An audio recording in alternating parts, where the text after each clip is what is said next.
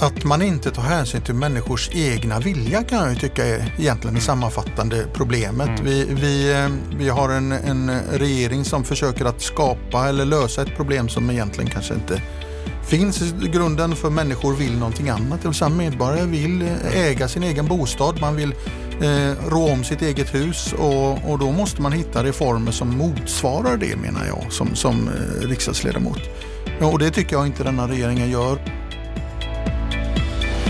Kristdemokraterna och Moderaterna är tydligare än någonsin i sin bostadspolitik. Det är analysen av det samtal mellan Larry Söder och Carl-Oskar Bolin som du strax kommer att få höra. De ser också en tydlig möjlighet att vi får se en alliansregering igen efter valet, trots de senaste årens sprickor mellan de borgerliga partierna.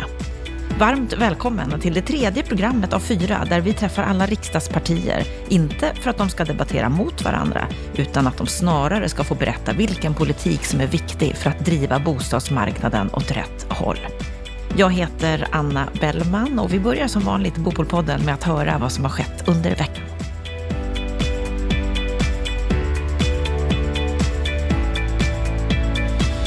Vi börjar som vanligt med veckans Aktuellt. Lennart Weiss, vad har hänt på den bostadspolitiska arenan under veckan? Oj, ja, inte så mycket. Men först så kan vi notera en liten sak som jag kommenterade för en dryg vecka sedan, nämligen om eh, eh de politiska krafterna som finns inom Hyresgästföreningen i Västsverige. Här såg vi nu under veckan att eh, Hyresgästföreningen, alltså förbundet centralt, har tagit över avdelningen i Västsverige till följd av avslöjade ekonomiska oegentligheter. Och det, och det träffar ju rakt mot den eh, ordföranden som sitter där då, som har trotskistiska rötter. Jag hajade till och samtidigt så blev jag inte förvånad. Därför det man vet om den här typen av politiskt otränade människor, det är att de brukar vara slarviga när det gäller ekonomi och administration. Så att, att det här dök upp, det det förvånar mig inte. Men, och det säger du att det är generellt så? Ja, det, det är min vana. Det är min långa vana utav föreningsliv i Sverige. Jag, man får, alltså, jag kan säga så att väldigt mycket av det jag har lärt mig i mitt liv lärde jag mig i SSU-klubben. Där fick man lära sig någon sorts grundläggande ordning och reda och mötesteknik och det har inte de här grupperna gjort. Samtidigt, och det är det som jag kanske vill komma fram till, det är att jag tror att Hyresgästföreningen på central nivå blev väldigt tacksamma över att de upptäckte det här. För nu har de lyckats hantera ett, ett mycket stort politiskt problem med en helt oklanderlig motivering som gör att de slipper ta i den brännande tisteln som rör den politiska inriktningen. Så jag tror, att Marie Linder är, jag tror Marie Linder är jätteglad över det här. Mm, så förbundsstyrelsen de tar över Region Västra Sverige? Mm. Mm. Och då kan vi också titta på något annat som har uppmärksammats i media under veckan. Och det är ju så att regeringen har bjudit in till bostadssamtal 19 februari. Och där har Svenska Dagbladet intervjuat ett antal aktörer i branschen och där du är på bild, Lennart, för du uttalar dig gärna i sådana här sammanhang, där du då bland annat säger att det är redan social misär. Ja, alltså jag, i, i Veidekkes skrivelse till eh, regeringen, vi har ju fått en enkät i tre punkter och den första rör bygg och bostadsfrågor.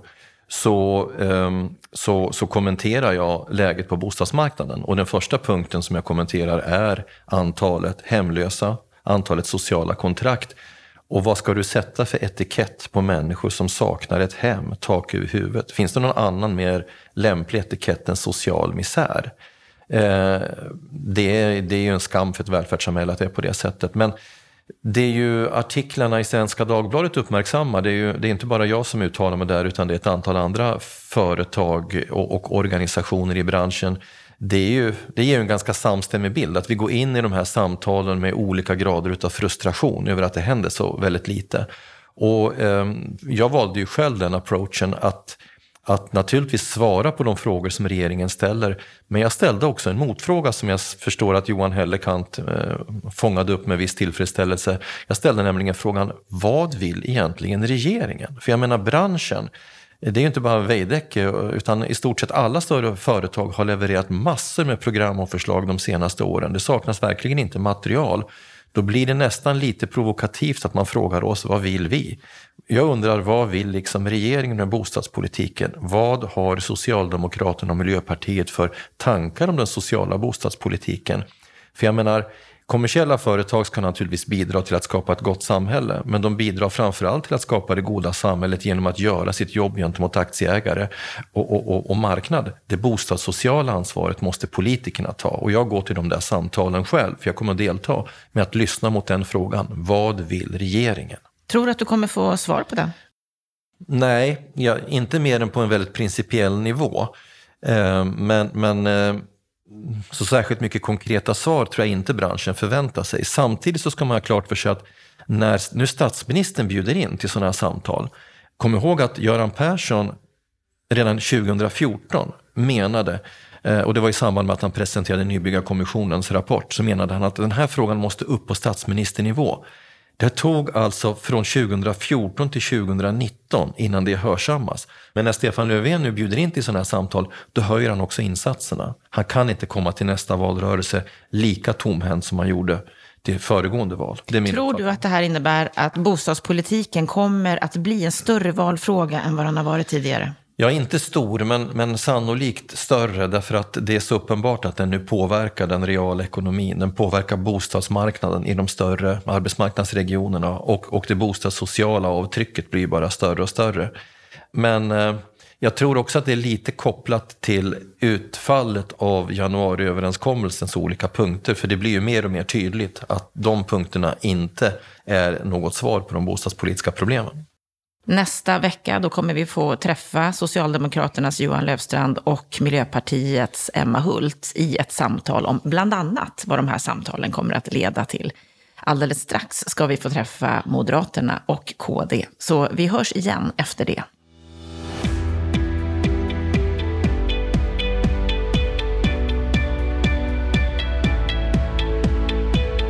I vår serie där vi träffar alla partier, deras bostadspolitiska talespersoner, så har turen nu kommit till det tredje programmet. Vi har träffat Centerpartiet, Liberalerna, vi har träffat Sverigedemokraterna och Vänsterpartiet och nu har det blivit dags för Kristdemokraterna och Moderaterna. Så jag säger varmt välkommen till Bopolpodden Larry Söder och Carl-Oskar Bolin. Tack så mycket. Tack så mycket för det.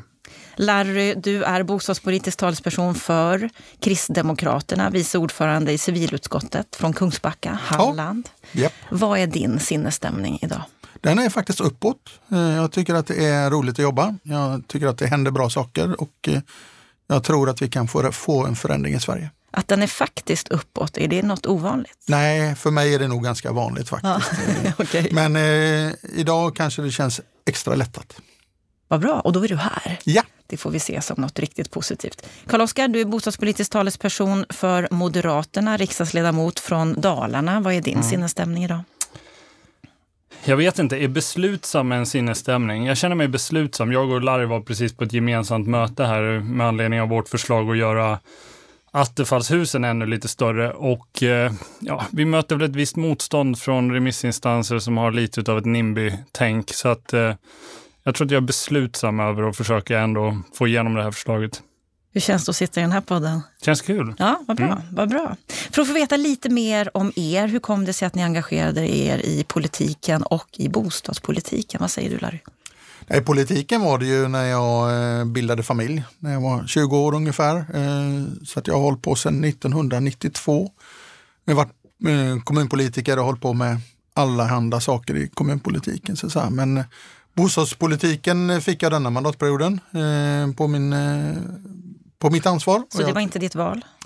Eh, val på så sätt att jag tycker det är roligt med samhällsutveckling och att det ska finnas möjligheter för människor att känna sig hemma på ett eller annat sätt. Och jag tycker bostäder är en viktig del i det. Och sen 92, känner du samma geist och entusiasm fortfarande? Ja, det gör jag faktiskt. Eh, att man byter nivå ifrån kommunpolitik till riksdagspolitik tycker jag ger en extra push så att man får tillbaka geisten. Så att man ska inte vara för länge på samma nivå. Det är, min, eh, det är bra tips. att byta ibland. Ja, Karl-Oskar, vad säger du? Varför har du engagerat dig? Jag gick ju med i Moderaterna, eller Moderata ungdomsförbundet, när jag var 14-15 år. Jag är född och uppvuxen i Borlänge, en stad som fram till dess hade styrts med egen majoritet av Socialdemokraterna. Och jag tyckte väl inte riktigt att eh, den verklighet jag levde i levde upp till den här bilden av det socialdemokratiska skyltfönstret som då eh, proklamerades. Så där fick jag mitt engagemang och det bottnar ju i grunden i en tro på på människan och eh, hennes strävan efter att få eh, frihet för att kunna förverkliga sig själv. Så att eh, det var min politiska utgångspunkt då. Det är också min politiska utgångspunkt i bostadspolitiken. Mm. Mycket engagemang. Mm, så är det. Det måste man ha om man ska komma någon Hade du förväntat dig någonting annat? Nej, det hade jag inte. Men det är bra att sätta grunden i alla ja, fall. Och tittar vi på engagemanget så är det ju stort från eh, riksdagsnivå. För ett par veckor sedan då det var partiledardebatt så fick Ulf Kristersson stor uppmärksamhet och han i debatten krävde nyval. Ett av skälen är det stökiga politiska läget och där fick han snabbt stöd av både Ebba Busch och Jimmy Åkesson. Är det här ett rimligt krav? Är det så stökigt just nu? Det får man nog ändå säga att det är. Vi befinner väl oss i ett eh, läge där, där ganska få känner sig nöjda med eh, hur Sverige styrs. Vi har en, en konstellation som styr Sverige, inte som ett svar på de samhällsproblem som Sverige eh, möter just nu, utan mer som ett svar på någon form av parlamentarisk strategi för att hålla ett parti utanför. Och eh, det imponerar väl inte på, på särskilt många, inte ens eh, tror jag på de partier som ingår i det här Men samarbetet. nyval, är nyval rimligt? Ja, men det skulle ju vara en, en möjlighet att eh, faktiskt ge svenska folket möj, eh, möjligheten att då dels ge sin dom över det samarbete som har varit, men också ge politikerna ett tydligt mandat att kunna börja eh, jobba med, med de, eh, skulle jag ändå säga, oerhörda problem som Sverige eh, står inför på, si, på sina håll. Och det är inte bara bostadspolitik då såklart, utan naturligtvis eh, så har det mycket att göra med trygghetsfrågor och hur samhället fungerar i stort. Mm, håller du med om det här Larry? Nej, jag tror inte att ett nyval skulle faktiskt lösa någonting, utan det som skulle lösa någonting är att faktiskt alla partier inser att det finns åtta partier i riksdagen och att man försöker hitta en majoritet för sina förslag. Mm. Enligt ju... statsvetaren och professorn Jonas Infors så menar han att ett nyval det skulle bara gynna SD. Det skulle nog gynna ett antal partier och eh, ett antal partier skulle missgynnas. Så det, eh, det är klart att det skulle förändra lite grann hur det ser ut i riksdagen. Men faktum kvarstår ju egentligen att vi måste se till så att de som lägger förslagen måste se till så att de har en majoritet i riksdagen. Har man inte det så får man inte igenom sina förslag. Och då kan man inte avtala bort det genom ett januariavtal eller ett decemberavtal. Det funkar inte så. Utan riksdagen måste få säga sin röst hela tiden. Och använd då hela majoriteten i riksdagen istället. Och när det gäller just bostadspolitiken då som vi ska fokusera på under den här stunden vi har tillsammans, vad skulle ni säga är de största problemen som ni ser på bostadsmarknaden idag? Dels har vi ju den dysfunktionalitet som vi har eh, här och nu. Det är svårt för unga människor att eh, ta sig in på, arbets på bostadsmarknaden. Det är svårt att Eh, det är krångligt generellt att bygga. Det tar väldigt, väldigt lång tid från det att du har en idé till dess att huset står där och det minskar ju naturligtvis viljan i att investera i bostadsbyggande. Det minskar viljan eh, att bygga. Men sen så har vi ju också de här mer fundamentala eh, strukturella problemen på, på, inom bostadssektorn och, och det har ju att göra med att eller det är ju framför allt att det är så oerhört krångligt att eh, bygga en, eh, en byggnad idag, oavsett om det är ett bostadshus eller, eh, eller någonting annat. Och det tror jag att politiken verkligen borde eh, lägga mycket åt sidan för att se till att lösa den biten. Mm, vad säger du Larry?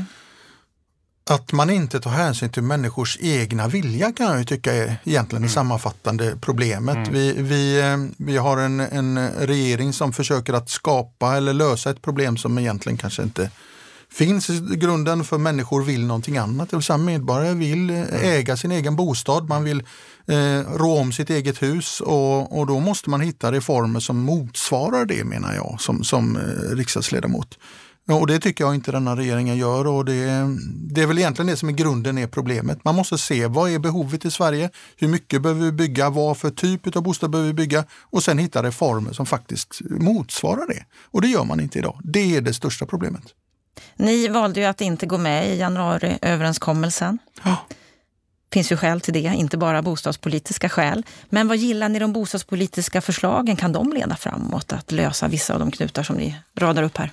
Så jag tycker inte så här, man ska inte man ska inte skriva ner eh, förslagen som sådana, men förutsättningarna för att de ska genomföras på det sätt som så att säga den här, eh, eh, det här eh, ganska kortfattade avtalet eh, stipulerar är ju ganska, den sannolikheten är ju ganska liten eftersom de ingående avtalsparterna har i grunden helt olika uppfattningar om eh, hur bostadsmarknaden eh, ska se ut och, och förutsättningar för, eh, för byggande. Så jag tror helt enkelt att det vi kommer få se är eh, så att säga utredningar med otydliga utredningsdirektiv som inte är tillräckligt bra för att hinna leverera skarp lagstiftning i alla de här delarna innan vi går till val nästa gång. Och då kan alla de här ingående avtalsparterna i det här januariavtalet ändå på något sätt försöka komma ut med heden i behåll i valrörelsen och säga att vi har slagit för det här men det har inte hänt någonting och så har Sverige förlorat ytterligare fyra år. Du var väldigt kritisk, eller du är väldigt kritisk till vad regeringen har åstadkommit, det hör vi ju nu, men också i en debattartikel i Aftonbladet från i december mm. så undrar du när ska Bolund arbeta som bostadsminister? Och jag tycker att det är en berättigad fråga när situationen ser ut som den gör i Sverige. Han har varit bostadsminister i ett år och det enda han har fått ur händerna det är ett förslag om att få bygga eh, lite större altaner bygglovsfritt och då det här Attefallsförslaget som sen bidde ungefär en tummetott eftersom han går bara fram med att det är full, fullt utrustade attefallshus, det vill säga med full boendestandard som får bli 30 kvadrat alla de andra, det vill säga lejonparten av de attefallshus som byggs, de får fortsatt bara vara eh, 25 kvadrat. Så det blev inte så mycket av det heller.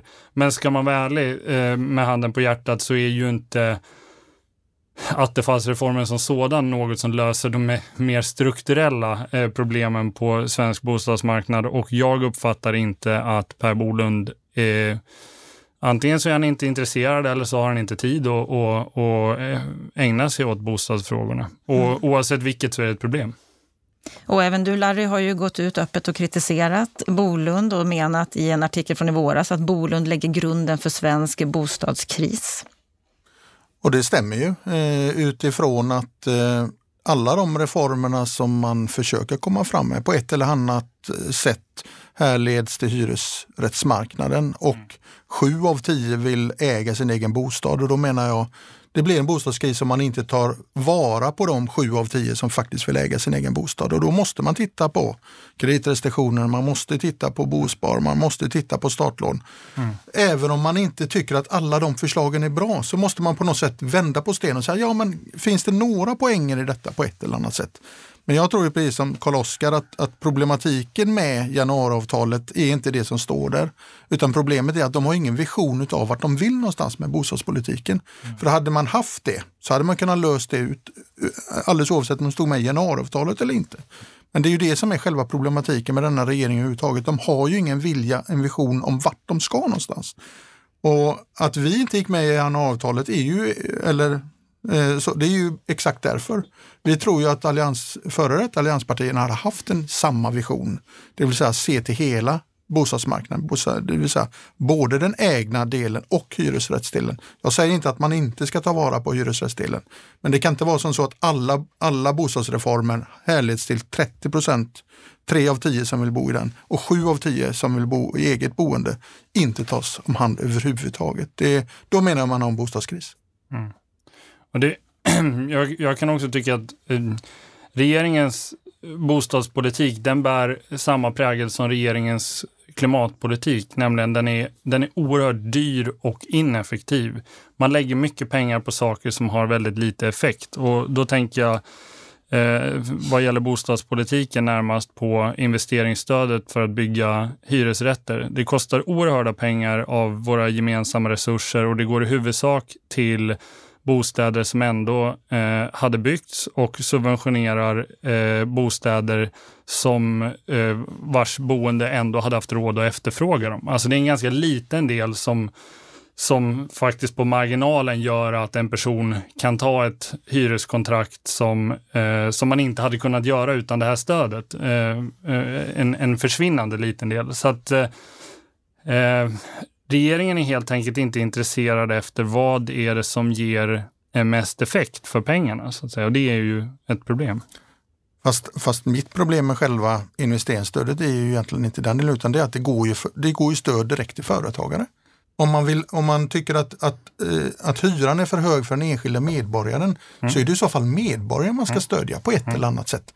Här gör man ett stöd direkt till företagaren som man kan använda på annat sätt om man nu vill stödja företagaren.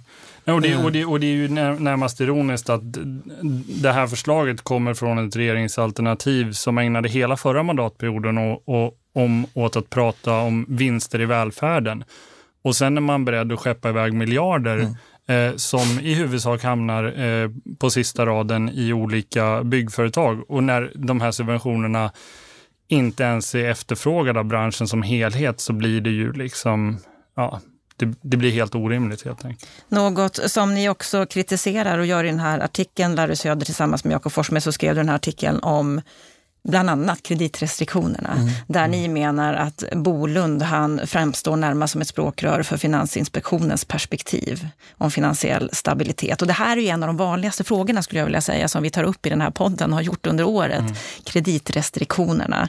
Många experter är ju eniga med att det här är ingenting som är mm. bra för att människor ska kunna efterfråga bostäder och ha råd att få en bostad. Kan det vara prestige som ligger bakom att Bolund så ihärdigt håller fast vid den här linjen? Jag tror att det är finansministern som, eller eh, departementet som bestämmer tågordningen i detta och inte Bolund som bostadsminister. Eh, så att eh, diskussioner om när han jobbar som bostadsminister kan man ju faktiskt ta i det mm. fallet då. Mm. Eh, för jag menar att om man tittar bara på bostadsmarknaden så är det fullständigt horribelt, horribelt att tänka sig att man fortsätter med den politiken om man ser de effekterna som finns. Det vill säga ungdomar kommer faktiskt inte in på den ägda bostadsmarknaden. Och då menar jag att man måste se över hur kan man göra det då? Jag har aldrig sagt att man inte ska ha några kreditrestriktioner men man måste kunna se på en samlad bild. Är det verkligen vettigt att ha alla dessa kreditrestriktioner och de pålagorna som vi faktiskt gjort under tiden? Men när vi diskuterar detta så tar ju inte Bolund den diskussionen, eller bostadsministern, utan mm. då hänvisar han till Finansinspektionen som sedan hänvisar till, till bankerna. Så det är ingen som tar ansvaret. Mm. Och då eh, tänker jag på ibland, vem är det som kör egentligen? Mm. mm. Och du har ju också gått upp i interpellationsdebatt med Bolund när det gäller bland annat den här frågan, Karl-Oskar, mm. om avmattat bostadsbyggande, där han menar att nu har det byggts mer än vad det har gjorts på decennier mm. idag. Och, eh, och så håller han fast vid kreditrestriktionerna.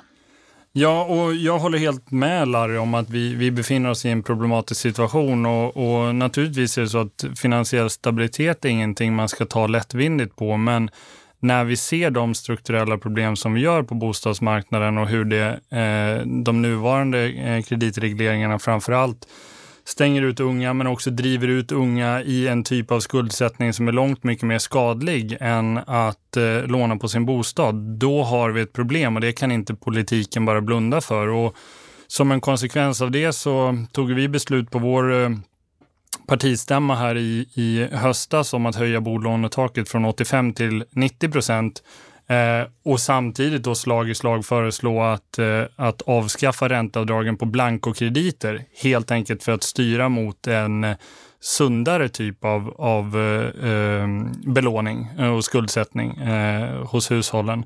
Så det tror jag är ett konkret förslag som skulle göra stor skillnad för eh, framförallt unga människor men även på Skulle den göra stor skillnad? Det är min uppfattning. Att eh, höja från 85 till, till 90? Ja. Hur kom ni fram till den lösningen?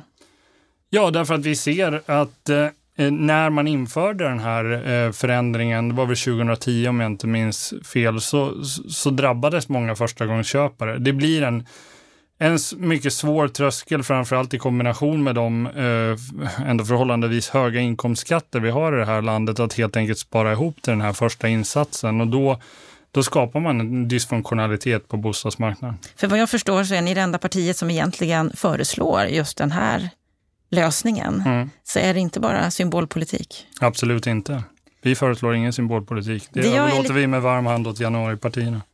Det jag är lite nyfiken på när det gäller er i Moderaterna och, och dig, Karl-Oskar, för du är ju förespråkare för att ta bort kreditrestriktionerna. Eller i alla fall Nej, inte alla. Nej, utan absolut inte ta bort samtliga kreditrestriktioner. Jag tror att man behöver göra det på på det sätt att man lyfter på en i taget. Allt annat vore oansvarigt och då är vårt förslag, vårt skarpa förslag, det är att börja med bolånetaket för att se vad händer, hur reagerar marknaden. Det vore djupt oansvarigt tror jag att lyfta på på samtliga de kreditrestriktioner som finns kopplat till bostadsköpande i ett slag. Och när det gäller amorteringskrav, hur ser du på det? Ja, då tror jag att man börjar med, med eh, eller då menar vi att man, det är bäst att börja med frågan om bolånetaket och sen så får man se vad det får för effekt på marknaden och sen kan vi mm. eh, för amorteringskraven diskutera det, amorteringskravet det därefter. Nej, det kan jag inte hitta någonstans Korrekt. att ni vill Och det är just av den förändra. anledningen att vi vill ta, ta en åtgärd i taget för att se hur, eh, så, så att man inte lägger fram ett batteri som man inte kan riktigt förutse Och det är det här som jag tycker vi ska brotta lite med. För tittar man på hur Brotta läget... kan jag. Ja, ja, det ska vi göra nu. För, för tittar man på hur läget är för de som vill äga sin bostad, vilket väldigt många vill göra i vårt land, majoriteten vill det, så har vi ett läge nu där bolånetaket kräver ett högt sparande, det kräver kapital. Vi har ett läge där kreditrestriktionerna, amorteringskraven kräver väldigt höga inkomster. Ni går in lite grann och, och, petar på det här i politiken. Vi märker inte så mycket av det och ert engagemang. Varför går ni inte in tydligare och verkligen brottas på riktigt när det gäller de här frågorna? Vi har ju många idag i branschen som verkligen gång på gång på gång försöker föra opinion och, och, och vara med i debatten, som Robert Boye exempelvis, Lars E.O. Svensson som är vår mest respekterade ekonom internationellt och som knappt får något gehör här i Mm. Varför gör inte ni mer? Fast jag håller nog inte riktigt med Mm. där. Jag tycker att vi försöker att driva just kreditrestriktionerna som en stor del Mm. eh, i problematiken. Gör ni tillräckligt här tycker du? Ja, till, uppenbarligen inte tillräckligt eftersom inte någonting har hänt. Eh, Det är ju någon som inte förstår eh, problematiken. Men det Eh. förklaras ju av att vi inte sitter i regering. Alltså anledningen till att de här förslagen inte blir genomförda är för att vi inte sitter på regeringsmakten och har en majoritet i Sveriges riksdag för de här förslagen.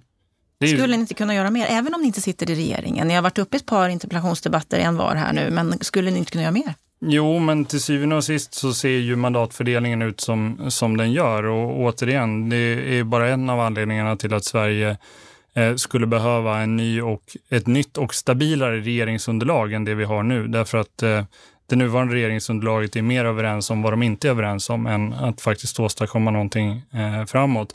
Och jag tycker att eh, det känns jag känner, ser åtminstone med tillförsikt på att eh, vi tillsammans med Kristdemokraterna har någorlunda samsyn i, i, i de här frågorna. Och eh, det båda var gott för ett borgerligt regeringsunderlag till nästa val.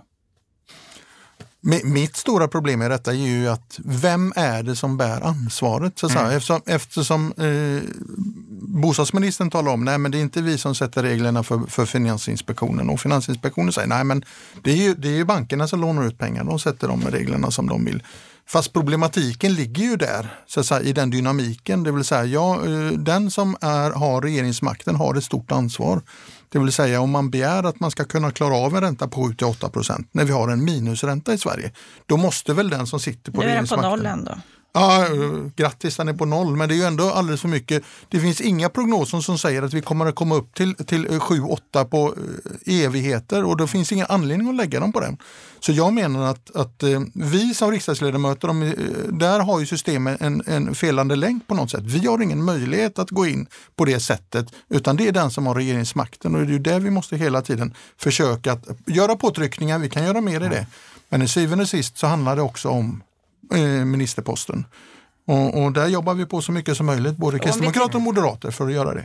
Om vi tittar på ett lite större perspektiv, du har varit med i politiken sedan 92, och så tittar man på vad är de stora sakerna som har hänt inom bostadspolitiken i modern tid, så är det ju just på 90-talet när man gav försörjningen till hushållen. Staten släppte finansiering till bankerna, precis som du säger. Hushållens skuldsättning har ökat, även om tillgångarna är mycket fler om man tittar på den totala bilden. Men ändå är det här något som oroar vissa. Just den här situationen som vi har fått i modern tid, är det någonting som ni känner att det här är vi nöjda med, det resultatet, att det har blivit på det här sättet? Uppenbarligen så är det ju inte tillräckligt bra för Sverige eftersom vi inte bygger tillräckligt med bostäder. Sen tycker jag att, också att man ser en annan förskjutning, det vill säga att vem är det som betalar för investeringarna idag? Eh, Ibland så tror vi att det bara är, en del som betalar det, men det är oftast eh, så att säga, den enskilde som i slutändan får betala det. Och stryper vi möjligheten att låna pengar så betyder det att vi också stryper bostadsbyggandet och det är ju det som problematiken ligger tycker jag. Vi måste se till så att människor kan låna till en bostad, för en bostad är den säkraste investering du kan göra under din livstid. Så att säga. Och det är det vi måste inse. Och då kommer vi in på en annan del av det här. Hushållen har ett stort ansvar mm. i det här och få ta den största delen, absolut. Hur ser ni då på bosparande? Att Jättebra. inte bara låna ja, utan att även spara till sitt boende. boende. Det är lätt ja. att prata en lånekultur som vi har mycket i vårt land, men mm. sparandekulturen. Hur, hur ser du på det, Karl-Oskar? Ja, den är ju, den är ju central och, och viktig att understödja naturligtvis. Och, eh, att det är en fråga som liksom går igenom i, både i, i, skolundervisning och hur man ser på, på sin egen ekonomi. Det är särskilt i, i ett tidevarv då då konsumtionsskuldsättningen eh, ökar på ett sätt som vi kanske inte har sett tidigare. Och vad är era konkreta förslag till att hjälpa människor att kunna bospara mer? Vi fattade ju ett, ett eh, principbeslut på vår partistämma om att eh, eh, ha någon form av skattegynnat sparande. Sen har vi inte materialiserat det förslaget rent eh, konkret efter det, utan det kommer vi att återkomma till. Men, men eh, det är nog rimligt att tänka sig att det, att det ändå eh, behövs för att stimulera ungas människor, unga människors eh, vilja och förutsättningar för att spara. Så ni är positiva till det, men ni vet inte riktigt hur? Vi har inte landat i ett konkret förslag. Mm. KD, hur?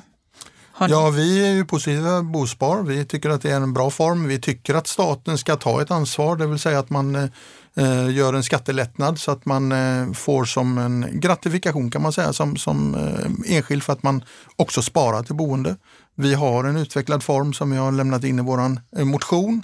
Eh, sen är vi inte bundna vid att man gör precis så som vi tycker, utan vi tycker att visionen måste vara att vi hittar ett bospar, det vill säga Människan eh, kan inte sitta på 300 000 i, på ett konto och vänta utan man måste också försöka att, att, spara och sen så kan man tillsammans med Bospar göra ett startlån, det vill säga så man får ihop de här pengarna eh, som behövs till, till eh, insatsen. För det måste vi inse att, att ungdomar idag eh, vill spara, de vill spara till bostäder men vi som stat måste också på ett eller annat sätt hjälpa till och då tror vi att det är en eh, skattesubvention som, som behöver till för det. Mm. Du var inne förut på att eh, ett borgerligt regerande skulle verkligen kunna lösa mm. problemen som vi har i vårt land. Hur skulle en borgerlig bostadspolitik kunna se ut?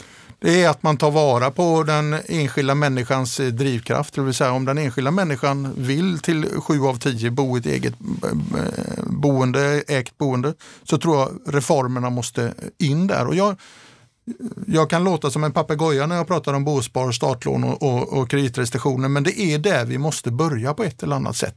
Se över hur vi kan få hjulen att snurra lite fortare. Och sen tror jag vi glömmer en sak och det är att staten har ju Eh, kan ju sätta upp hur många regler och, visioner som helst, men det är ju ändå kommunerna på ett eller annat sätt som, som planerar. Och där tror jag en, en borgerlig eh, regering måste tänka efter. Hur kan vi inkorporera eh, kommunerna i visionen om att skapa mer bostäder och inte bara se sin egen kommungräns utan se lite större vad Sverige faktiskt behöver och medborgarna i Sverige behöver. Och vad är KDs roll i en sån borgerlig konstellation att driva en sån politik? Ja, vi har ju haft eh, förmånen att ha haft bostadsminister förut och jag tror väl att det eh, kan vara ett eh, bra sätt att hantera ja, det på. Dig själv där. Det finns många alternativ i ett parti men samtidigt är det ju som så att, att vi som, som parti har tagit ära av att försöka hitta exempel på hur man kan göra.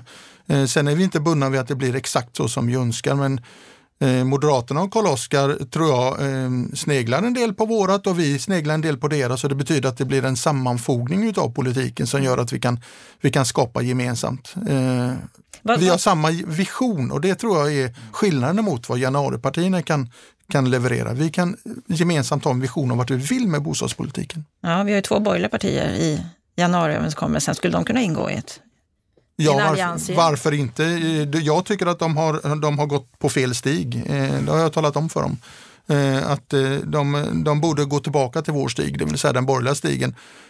De hör inte hemma i den socialistiska delen. Vad säger du Carl-Oskar, håller du med om det här? Finns det en framtid för, för det borgerliga, för Alliansen? Ja, jag skulle säga åtminstone när man pratar med många så att säga, riksdagsledamöter för COL på tu man hand så får man ju känslan av att de kanske inte är jättebekväma eh, med den här utsvängen de gjorde för ett år sedan och känner sig kanske inte riktigt hemma i det där och, och sådär. Men det är ju till syvende och sist eh, eh, upp till dem. Var och en kan ju bara ta, ta ansvar för, för sitt eget eh, parti och för Moderaternas vidkommande i en eh, borgerlig regering med en borgerlig bostadspolitik så tror jag att det är viktigt att vi hittar tillbaka till kärnan, alltså möjligheten att kunna eh, utveckla sina idéer, möjligheten att kunna utöva sin äganderätt. För jag kan tycka att vi många gånger har hamnat vid den punkten när det kommer till bostadsbyggande att att få möjligheten att bygga någonting, det betraktas mer eller mindre som någon form av privilegium för det allmänna. Eh, många gånger ett undantag till det som tycks vara huvudregeln, nämligen att det finns ett eller annat hinder för att kunna utöva sin äganderätt och bygga en, eh, ett hus på sin mark. Och det gäller både det lilla, attefallshusen som sagt, eller eh, i det stora när, när det handlar om planering och byggande utav, utav eh, bostäder. Och det är det som gör att det tar väldigt lång tid. Och eh, då pratar man ofta om regelförenklingar. Och regelförenklingar är ju tyvärr ett sånt här politiskt eh, modeord som väldigt sällan eh, liksom kläs med något konkret innehåll. För att alla politiker säger sig vara för eh, regelförenklingar. Men på det bostadspolitiska området, där tycker jag ändå att så fort man börjar eh, skrapa på den här tunna fernissan i begreppet, då blir det väldigt tydligt vilka som faktiskt förespråkar regelförenklingar och inte. Vi har ju under flera års tid eh, i, tillsammans med de tidigare allianspartierna som nu ingår i i gökgänget försökt reformera till exempel bullerlagstiftningen eh, som en regelförenkling för att de facto göra det möjligt att, att eh, bygga i våra städer. Sverige är ett unikt land i det att vi har bullerregler för Spindelmannen. Vi mäter på utsidan av fasaden trots att människor bor inomhus. Eh, och det lägger ju naturligtvis en enorm hämsko och det finns en uppsjö av sådana exempel på tillkrånglade regler som framförallt miljöpartister försvarar med näbbar och klor därför att de i grunden är eh, motståndare till, till mer och effektivande byggande. Och det är en sån liksom, kärnfråga och ett liksom, kärnvärde skulle jag säga för mig som moderat, att försöka liberalisera förutsättningarna för att exploatera och att bygga i Sverige. Om vi ska försöka konkretisera det ni egentligen vill på olika marknader. Om vi tittar på ägar eh, marknaden som ni mm. är väldigt för och som ni har nämnt många gånger. Kort mm. sammanfattat, vad vill ni där? Vad är politiken där? Ja, för mig handlar det om att människor ska kunna välja att, att eh, äga ett eget boende och då eh, ök, öka möjligheten att kunna, kunna finansiera det på ett eller annat sätt. Och då kan man tänka sig att man gör det med bospar till exempel, eller kreditrestriktionerna som minskar då och startlån. Det är väl de tre delarna som jag tycker är det viktigaste. Men Visionen är ju att människor ska kunna få bo så som de önskar och vi ger dem möjligheten ifrån, ifrån eh, riksdagen i så fall. Och det betyder att om man vill bo i hyresrätt då ska man kunna göra det också. Mm, och hur ser er politik ut där när det gäller hyresrätterna? Ja, då vill vi ju mer att, att det ska vara eh, hyror utefter marknadsekonomi, det vill säga att man ska kunna betala en högre hyra om man bor i ett attraktivt område. Ja, och det tror jag är enda vägen att gå om man, om man på ett längre perspektiv vill göra det möjligt för företag att, att faktiskt bygga hyresrätter med vinst. Det vill säga att man ska kunna driva det vidare. Delar du den här bilden av politiken? Vill du tillägga något eller ta bort något? Nej, men jag delar, jag delar i huvudsak det, det Larry säger. Och jag tror som sagt, vi, vi måste ha förutsättningar för att människor ska kunna ta steget till det ägda boendet. Vi måste ha förutsättningar för att det går snabbt och enkelt att bygga i Sverige. Liksom lite det jag precis eh, nyss nämnde. Och när det kommer till eh, eh, hyresrätten som institution så skulle det vara välgörande för hela Sverige om det blev en boendeform som var enkelt tillgänglig, det vill säga att det snabbt gick att få tag på ett eh, kontrakt. Så är det ju inte idag med den hyresreglering eh, vi har och därmed är ju så att säga många av hyresrättens stora fördelar inte tillgängliga därför att det bygger på att du har stått i kö i halva ditt liv för att kunna få en, en hyresrätt. Och i många andra länder så fungerar ju hyresrätten som ett så att säga smörjmedel för till exempel arbetsmarknadsfunktion så att du kan flytta och ha en, eh, en lägenhet eh, nästa dag. Det är få andra länder i världen som vet vad begreppet bostadskö är för någonting och det bevisar väl misslyckandet i den eh, så att säga svenska hyrespolitiken. Så att eh, eh, det tror vi verkligen att det, det, skulle behövas liberaliseringar även vad gäller hyresregleringen så att människor enklare kan tillgängliggöra sig en hyresrätt och sen kliva över i ett ägt boende när man har bestämt sig för att Nej, men här vill jag bo, här vill jag fortsätta att leva. För att eller det är mer... bo kvar i en hyresrätt om man Eller vill. bo kvar i en hyresrätt om man vill. Absolut, det är människors egna fria val. Ja, eller faktiskt att man kan köpa den hyresrätten Mm. och det blir en ägarlägenhet. Eh, Det ska också kunna vara möjligt att bara för att man bor i ett eh, område där det är hyresrätter om man vill göra sin, sin bostadsresa så betyder det inte att man behöver flytta till ett annat område utan man ska kunna bo kvar i området, köpa sin lägenhet, kunna vara en Mer flexibla Ja, och du kan, du kan vara en, en trygghet i området där du faktiskt kan, vi kanske har andra som har, eh, så att säga, inte har eh, samma möjlighet att utvecklas eh, när det gäller boenden och sådant som gör, som gör att vi kanske får tryggare områden istället. Så att lite social eh, omsorg när det gäller människor också och eh, använda bostäderna på det sättet. Mm, för det där är en viktig del Ja. när det gäller hur vi bygger våra samhällen. För människor vill känna trygghet. Ja. Och den delen tycker jag att vi har diskuterat alldeles för lite. Även vi så att säga, eh, under denna mandatperiod men även under förra mandatperioden. Vi måste börja den diskussionen. Hur skapar vi sociala incitament i områden som, som faktiskt kanske är utsatta områden idag? Mm, för det finns ganska många. Ja, det finns Alldeles för många. Ja. Mm. Eh, Men jag tror att det kommer i, gru- i grunden kommer det för långt bort eftersom vi har så stora problem att lösa innan. Mm. Tyvärr. Nu är det två och ett halvt år till nästa val. Två och ett halvt år kvar på den här mandatperioden. Mm. Dött lopp. Kommer inte hända så mycket. Det får vi väl se. Det finns ju områden där vi faktiskt kan skapa andra riksdagsmajoriteter än, än eh, så som regeringskonstellationen ser ut. Det gäller i det lilla, bland annat eh, vårt lagstiftningsförslag om att, att bredda den här attefallsreformen. Har vi ju en eh, brokig konstellation som om vi har tur kan köra över eh, regeringssidan. Det gäller ju i den extra ändringsbudget som nu ser ut att vinna eh, bifall i, i riksdagen. Men, men ja, i huvudsak är det nog tyvärr eh, två, två och ett halvt förlorade år för Sverige. Helt enkelt därför att eh, man kommer knappt överens om utredningsdirektiv till lagstiftning som man har sagt ska komma i januariavtalet och i den mån utredningarna ens hinner bli färdiga så tror jag inte vi vågar hoppas på så mycket mer skarp lagstiftning innan nästa val, tyvärr. På det Vad tror du Larry kommer hända till, till nästa val? Kommer det hänt något? Riksdagen är ju inte gjord för att göra så som Karl-Oskar och jag har gjort, det vill säga att vi gör lagförslag i riksdagen, utan, utan det är ju syvende och sist regeringen som måste lägga förslagen och tyvärr så har vi ju en regering som, som inte lägger så många förslag. Nej, men då gör ju ni det istället. Korrekt. Då gör vi det istället, vi försöker förbättra det som läggs eh, och, och det är så, jag tror att, att eh, läxan från, från i vinter och nu i början på våren så, blir ju att att eh, alla konstellationer kan faktiskt vara med och bidra. Eh, och det tycker jag i och för sig rent demokratiskt är väldigt bra. Så om två och ett halvt år, vart kommer Sverige befinna sig då? I ett När det val. gäller bostadspolitiken. Då har vi ett val. Ja, Vad kommer vi välja? ja, jag tror ju att det blir en, en borgerlig regering, det är jag ganska övertygad om. Eh, Ni kommer vara överens då, att ni ska jobba ihop? jag och Karl-Oskar är överens. Absolut. Det är vi. Och när ni ser på ett lite längre perspektiv, när, det, när vi tittar på samhällsutvecklingen, Mm. är ni optimistiska eller ser ni med oro på framtiden? I grunden vill man ju alltid vara optimist, men jag tror att man är, är naiv om man inte ser att Sverige står just nu inför väldigt många ohanterade eh, problem. Och i det perspektivet så framstår ju även två och ett halvt år som väldigt, väldigt lång tid. Men eh, det är aldrig för sent att försöka börja ställa saker till rätta. Det är väl ändå den, den föresats man får ha om man ska komma någon vart i politiken.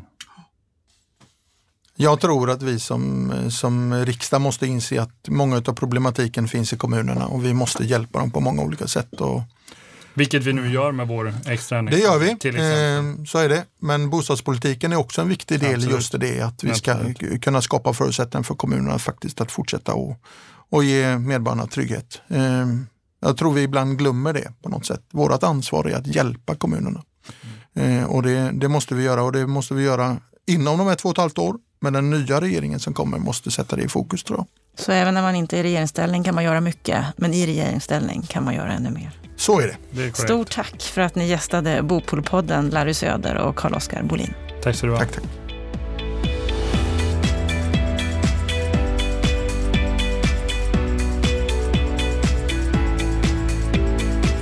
Då har vi hört samtalet mellan Larry Söder, KD och Carl-Oskar Bolin, Moderaterna. Lennart Weiss, vad säger du om det här samtalet? Ja, eh, vi har uppenbarligen en beslutsam person i studion. Carl-Oskar Bolin går in med den attityden. Det gillar jag måste jag säga. Och, och Larry går ju in med det självförtroende som man har när man har varit i politiken ett antal år. Carl-Oskar är ny på jobbet. Man måste, man måste lyssna med en liten annan värdeskala eh, mot honom. Men med det sagt så tycker jag att det var eh, intressant och eh, han har ändå eh, satt sig in i frågorna, eh, tycker jag, bra på den här korta tiden. Det var ett intressant samtal. Vad säger du om deras bostadsägarpolitik? För det får man väl ändå säga att den frågan borde de äga. Jag tycker det är väldigt bra att du lyfter upp den aspekten. Därför att innan jag lyssnade på samtal så gjorde jag en notering. På, eh, jag skriver, var finns den borgerliga bostadsägarpolitiken?